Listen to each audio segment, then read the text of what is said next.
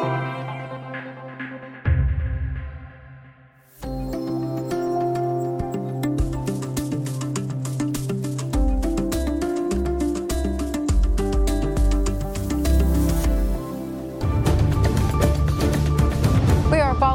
Breaking news. The deal is done. Twitter has been sold to Elon Musk. Ja, så här lät det i CBS News i måndags när nyheten spreds över världen att den omdiskuterade och superförmögna entreprenören Elon Musk köper Twitter för 44 miljarder dollar. Men vad innebär det att världens rikaste man nu tar kontrollen över sociala medier-jätten? Välkommen till Studio DN med mig, Ylke Holago. Och nu har jag med mig Linus Larsson, techredaktör här på Dagens Nyheter. Hej Linus! Hejsan! Vi ska alltså prata om Elon Musk och hans Twitter-köp. Och vad är Twitter för någonting? Vilka är det som använder Twitter? Ja, Twitter är ju en, en sociala medieplattform som är stor och global, men den är inte alls så stor och inte alls så ekonomiskt värdefull som till exempel Facebook, utan i framförallt Sverige så är det väl en eh, Eh, en, väldigt mycket en plattform som är väldigt populär bland liksom, politiker, opinionsbildare och journalister och sådär. Så att det är liksom en viktig torg för opinionsbildning, men det är inte alls ett lika brett och folkligt medium som, som Facebook eller bland yngre kanske TikTok eller sådär.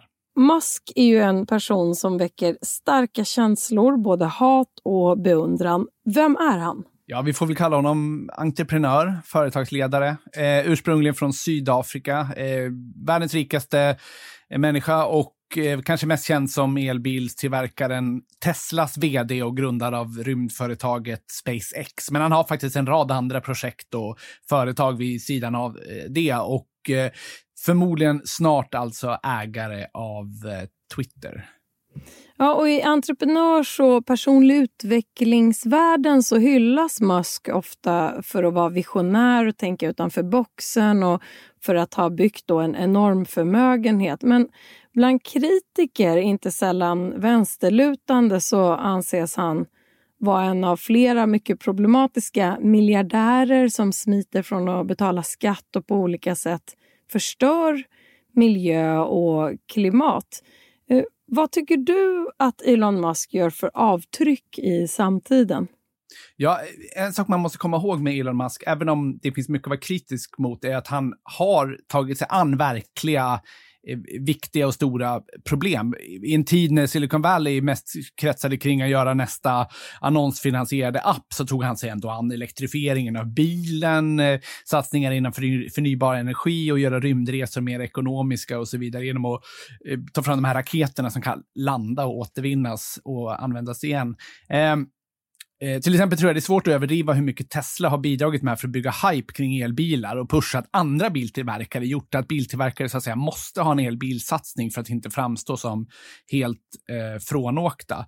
Men en kritik mot honom är att han snackar för mycket, lovar saker som han inte håller och inte lever upp till. Och det, det ligger ju en hel del i det. Till exempel har det funnits många löften om hur snart Tesla-bilar ska bli helt självkörande och så här. Men även om han lovar mer än han levererar, så levererar han ju också en, en eh, hel del. Men man ska också komma ihåg att han har uppträtt märkligt oansvarigt ibland. Eh, som när han helt grundlöst anklagade en räddningsarbetare i Thailand för att vara pedofil, vilket ledde till en rättegång för förtal, där han visserligen friades då, men eller när han eh, twittrade att han skulle köpa ut Tesla från börsen och hade finansiering klar. Vi, vi, när finansieringen fanns inte och USAs eh, finansinspektion såg det som en form av be, bedrägeri. Så att det har varit många sådana impulsiva episoder också.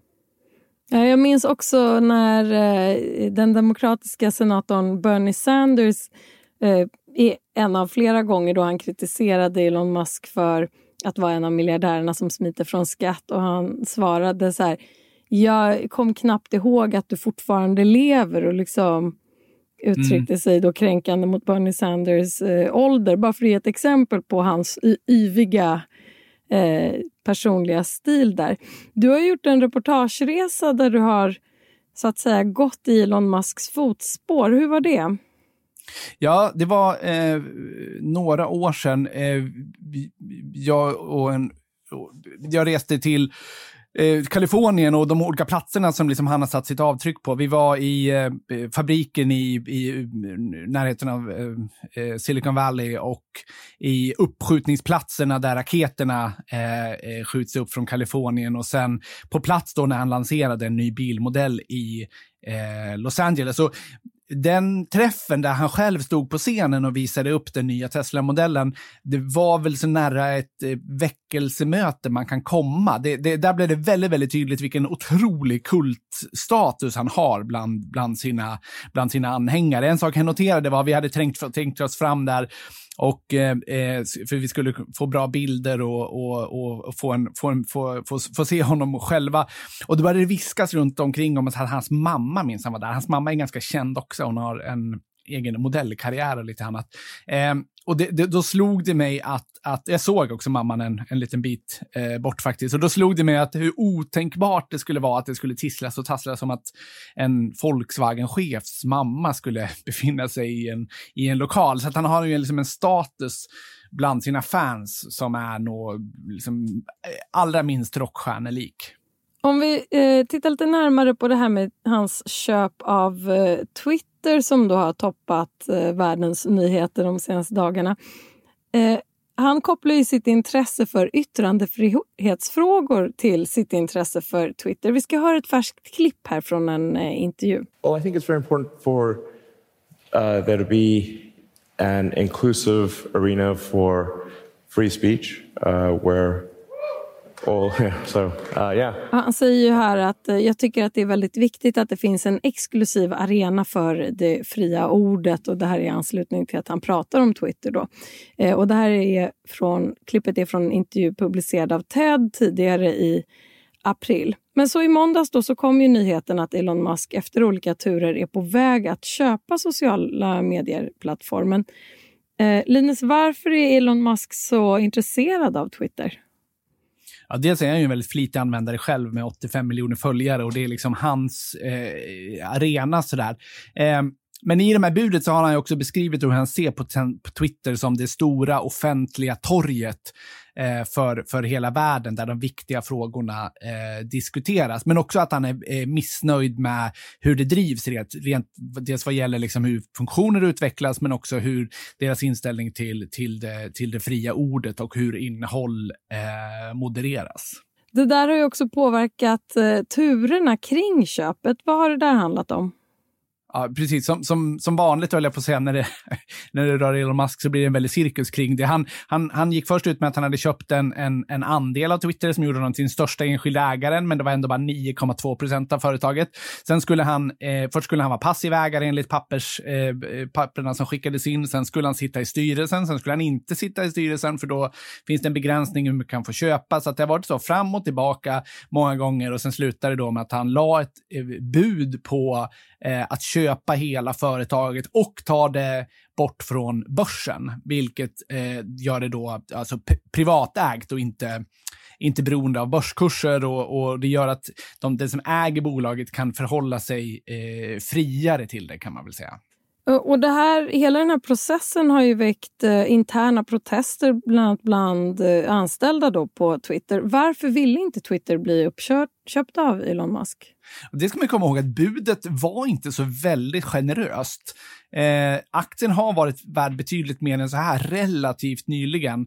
Och, och dessutom finns det såklart, och det, det kan, gör ju vissa oroliga och det är förståeligt också att det finns en oro internt på bolaget bland de anställda vad det ska, eh, och dess ledningen, vad det kommer, kommer eh, leda till. Allting kan kastas på ända, folk försvinner och så vidare. Men i slutändan så jobbar företagets styrelse för aktieägarna och de landar ändå i att det här eh, var den bästa affären för dem. Så nu har de då kommit överens och rekommenderar eh, dem att sälja. Men, men, men det, riktigt klart är det ju inte än, utan de måste ju komma överens med eh, aktieägarna först.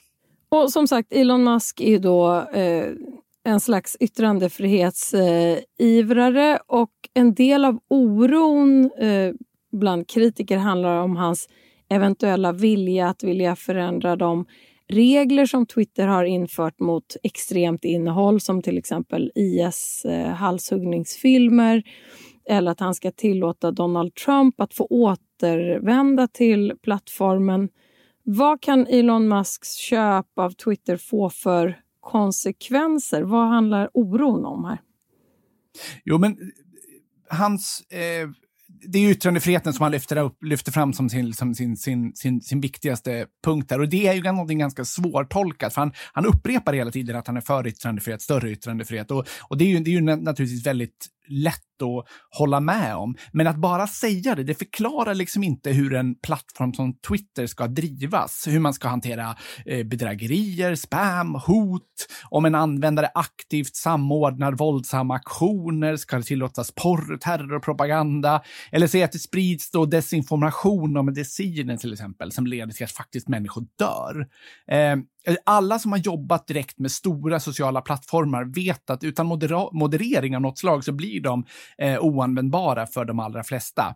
Och det är liksom i de frågorna man verkligen visar sin syn på yttrandefrihet. Det är inte bara att köra liksom free speech som en, som en slags eh, slogan, han, han twittrade bland annat att han, han gärna vill att hans värsta kritiker för, blir kvar, för det är verklig yttrandefrihet. Och det är liksom, det är lite av en banalitet som alla håller med om. Det är inte där de svåra eh, frågorna ligger. Men däremot så kanske han är av åsikten att det var fel att stänga av Donald Trump. Och, eh, det, är ju, det är andra som har stängts av, konspirationsteoretiker och, och människor som har bedrivit trakasserikampanjer och så vidare. Han kanske tycker att det helt enkelt var fel och vill att eh, de eh, ska tillåtas. Vi kan lägga till här att Donald Trump eh, har uttalat sig och sagt att han inte är intresserad av att komma tillbaka till Twitter ja, oavsett.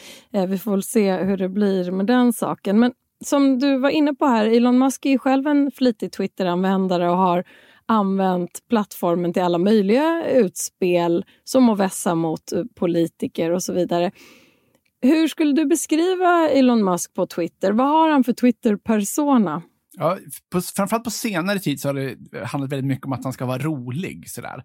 Eh, och impulsiv hela tiden verkar det som. Han, han, han, vissa satsningar som han har gjort tycks liksom komma från en spontan idé han har fått på, på Twitter och sen har han omsatt det i, i verkligheten. Och han drar ju sig inte för att ge sig på sina motståndare. Du, du nämnde några exempel tidigare här. Senast var det Bill Gates som enligt Musk har blankat Tesla-aktien, alltså satsat pengar på att den ska gå ner i, i värde och då twittrar han ut en massa bilder på, eller en bild på Eh, eh, på Bill Gates som, som där kanske inte var så, så smickrande. Så att, så att han är liksom, han, han, han är mycket mer impulsiv än de ganska PR-regisserade Twitterkonton man ser från andra, eh, kanske framförallt företagsledare som på, på, på eh, hög nivå.